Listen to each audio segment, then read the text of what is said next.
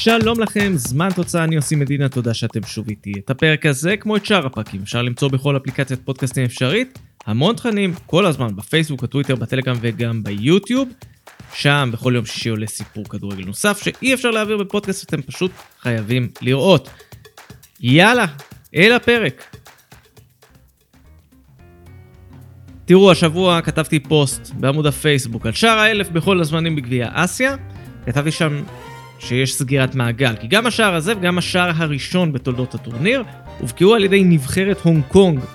למעשה, המשחק הראשון אי פעם בתולדות הטורניר היה ב-1 בספטמבר 1956, כשמארחת הטורניר הונג קונג פגשה את מעצמת הכדורגל היבשתית, ישראל.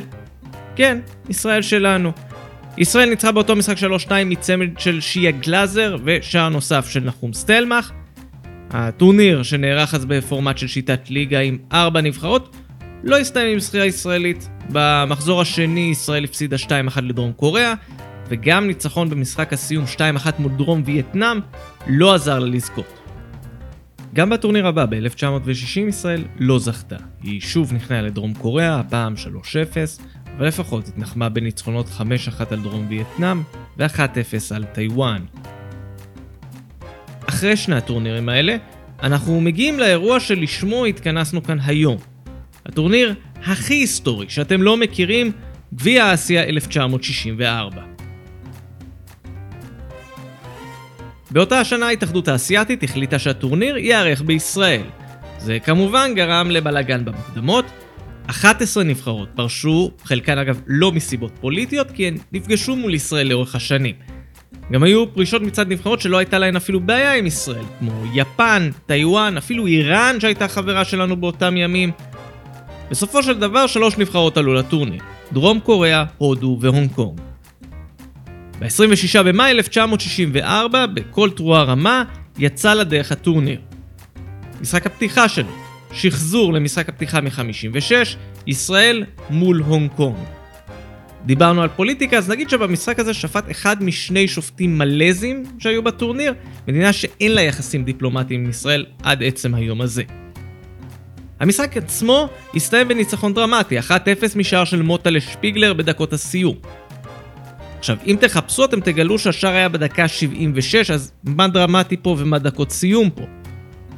ובכן, עד 1964, מסיבה מאוד לא ברורה, ההתאחדות האסייתית החליטה שהמשחקים בגביע אסיה יהיו 80 דקות ולא 90. אז שער בדקה 76 זה 4 דקות לסיום. ביום למחרת נערך המשחק הנוסף של מחזור הפתיחה. 7,000 צופים הגיעו לאיצטדיון קריית אליעזר בחיפה כדי לצפות בנבחרת הודו, מדהימה 2-0 את דרום קוריאה, אלופת שני הטורנירים הקודמים.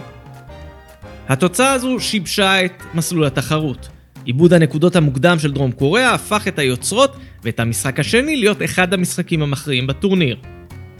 29 במאי 1964, ישראל מגיעה למשחק השני שלה מול הודו באיצטדיון בלומפילד. כאן זה כבר היה הרבה יותר קל. פנדל של מוטלה שפיגלר בדקה 29, שער נוסף של יוחאי אהרוני בדקה 76, וצריך להתעכב קצת על אהרוני, הוא היה ילד לא כל כך אנונימי, בן 20, שיחק בנבחרות הנוער, אבל הוא שיחק אז בהפועל מחנה יהודה מליגה א', אז הליגה השנייה, הנציג היחיד אגב, שלא שיחק בליגה הלאומית. חתיכת סיפור. במשחק השני של המחזור, דרום קוריאה והונג קונג עלו לבירה ונפגשו באיצטדיון האוניברסיטה העברית בגבעת רעם. דרום קוריאה מתחה ומתחה את האירוע, אבל לבסוף הגיע פאק סונג יוק, קבע 1-0 והעביר את ההכרעה בטורניר למשחק האחרון. הטבלה ערב המחזור האחרון נראית ככה, ישראל ראשונה עם 4 נקודות, דרום קוריאה והודו עם 2 נקודות כל אחת, הונג קונג עם 0. כן, ניצחונות של הודו ודרום קוריאה ומתחילים בלהוציא מחשבונים בצורה מוגזמת. לא בטוח בעצם שהיו מחשבונים, אז אולי חשבוניה עם חרוזים.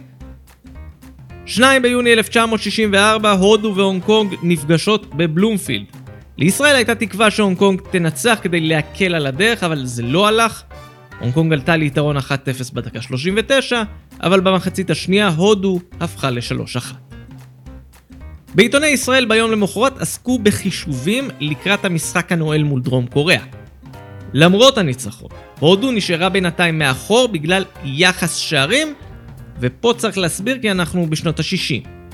באותה תקופה היה מקובל לשבור שוויון עם יחס שערים ולא הפרש. שיעור עברית קצר, יחס זה תוצאה של פעולת חילוק, במקרה שלנו, הבקעות חלקי ספיגות. אז באמת היו פה חישובים, אבל בניגוד לישראל המודרנית, ישראל במודל האסייתי לא הייתה בקטע של מחשבונים בדקות סיום. ישראל סגרה סיפור מהר. דקה 20 מוצי ליאון, דקה 38 גדעון טיש, גם שער מצמק של דרום קוריאה בדקה ה-79 לא באמת שינה. ישראל סיימה ראשונה עם מאזן מושלם ותואר היסטורי, אמיתי, גביע אסיה בפעם הראשונה בתולדותיה. את ההישג ההיסטורי הזה ישראל לא הצליחה לשחזר. בגביע אסיה 1968 היא סיימה במקום השלישי אחרי שבמהלך הטורניר היא הפסידה במפתיע לבורמה ובמחזור הסיום גם למי שזכתה בתואר, איראן. ארבע שנים אחר כך, גביע אסיה 1972 היה תחילת הפרידה של ישראל מהיבשת, אבל הפרידה התחילה הרבה לפני. ישראל הייתה אמורה לארח את הטורניר, אבל שנתיים לפני שהתקיים ב-1970 היא ויתרה על האירוח וגם פרשה מהמוקדמות. בשנות ה-70 ישראל עשתה כמה סיבובים אחרונים באסיה, הטורניר הקדם אולימפי של 72, מוקדמות מונדיאל 74, ומשחקי אסיה הזכורים לשמצה מ-1974 שנערכו בטהרן. קצת אחרי אותם משחקים, קיבלו הוועד האולימפי האסייתי וההתאחדות לכדורגל של אסיה את ההצעה להרחיק את ישראל. לישראל היה עוד סיבוב אחד, כמעט אחרון, בטורניר הקדם אולימפי של 76, סיפור עליו יגיע בפרק הבא ביום שני. עד אז, יש מקום אה, להישאר במתח לסיפור הזה, ובעיקר להתרפק על התואר האמיתי היחיד שבו נבחרת ישראל זכתה אי פעם, ומסתבר שהוא בכלל לא אליפות העולם במשחקי ידידות. אז תכירו ותכבדו, נבחרת ישראל אלופת אסיה 1964, אלה שמות מהיר, המאמן יוסלה מרימוביץ', השחקנים חיים לוין, יצחק ויסוקר, אברהם קלמי, דוד פרימו, חיים בכר, משה מוציליאון, שאול מתניה, אמציה לבקוביץ', גדעון טיש, מוטלה שפיגלר, נחום סטלמך, יחזקאל קצב, יוסף מעלל, איינשטיין קליש, רחמים טלבי, רובי יאנג, שלמה לוי ויוחאי אהרוני. אז זה היה עוד פרק של זמן תוצאה, אני עושים מדינה, תודה שהייתם איתי. כאמור, אנחנו בכל אפליקציית פודקאסטים, בפייסבוק, בטוויטר, בטלגרם וביוטיוב, המון תכנים כל הזמן. אני כבר מחכה לשמוע מכם, תגובות, תהיות, רעיונות לפרקים, הבמה שלכם והיא לגמרי פתוחה. יהיו עוד פרקים, הם כבר בדרך אליכם, עד אז שמרו על עצמכם, וביי בינתיים.